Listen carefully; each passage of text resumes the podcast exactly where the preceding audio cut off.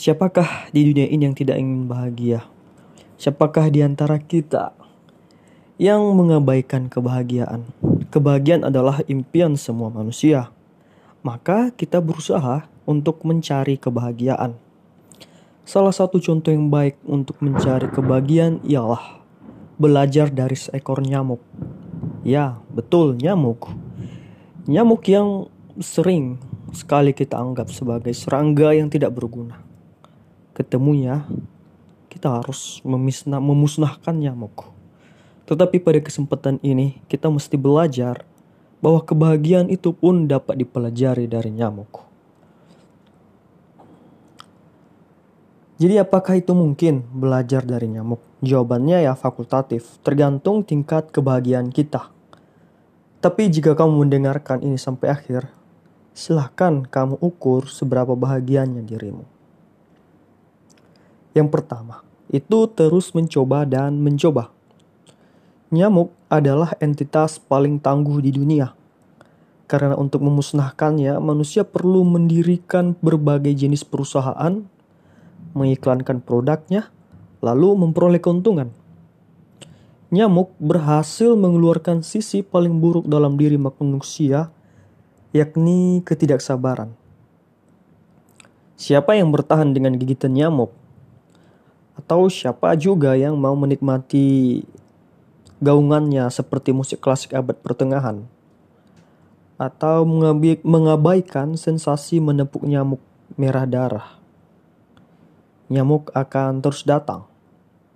Datang lagi sekuat dan sekreatif apa pun manusia. Dia akan terus mencoba meski harus mati. Apakah di sini aku mengajak menyerah? Enggak. Tapi coba melihat nyamuk selalu berusaha untuk hidupnya meski kematian adalah taruhannya. Tidak ada entitas senekat nyamuk di dunia ini. Kedua, nyamuk tahu kapan harus berhenti. Setelah kenyang, nyamuk akan berdiam diri dan kemudian memulai proses reproduksinya. Pelajaran berharga dari nyamuk ialah ia tahu kapan harus berhenti untuk bekerja. Nyamuk tidak pernah lalai tujuannya bekerja dan kenyang. Uh, di sini di sini bukan pembuktian bahwa nyamuk memiliki kehendak atau kesadaran. Namun mari memperhatikan bagaimana kita mungkin lupa tujuan kita bekerja. Kita mengabaikan keterbatasan fisik bahwa kita butuh istirahat dan mengejar sesuatu yang hasilnya belum tentu dibutuhkan. Usia nyamuk begitu pendek, tapi ya usia manusia tidak bisa ditebak. Nyamuk menunjukkan ketidakbahagiaan kita. Sebelum melanjutkan pembahasan ini, sekarang coba melihat diri dan situasi di sekitar kita. Jika tidak ada nyamuk, berarti dirimu sedang bahagia.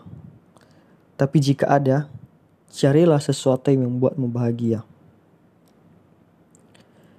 Artinya, kebahagiaan selalu berdampak dengan perbuatan positif dan membuatmu menjaga kebersihan dan peduli pada lingkungan. Ini mengurangi kesempatan nyamuk untuk mencuri darahmu. Ya, pada akhirnya, ukuran kebahagiaan seseorang terletak pada kemampuan untuk mengenal keterbatasannya. Lalu ia berjuang dan tahu kapan harus berhenti. Nyamuk selalu disingkirkan, bahkan dimusnahkan. Namun selalu ada dan kita pun mendapat pelajaran darinya. Ya semoga apa yang menjadi bahasan kita kali ini dapat bermanfaat dan kamu bisa membagikan tema ini untuk belajar bahagia dari seekor nyamuk.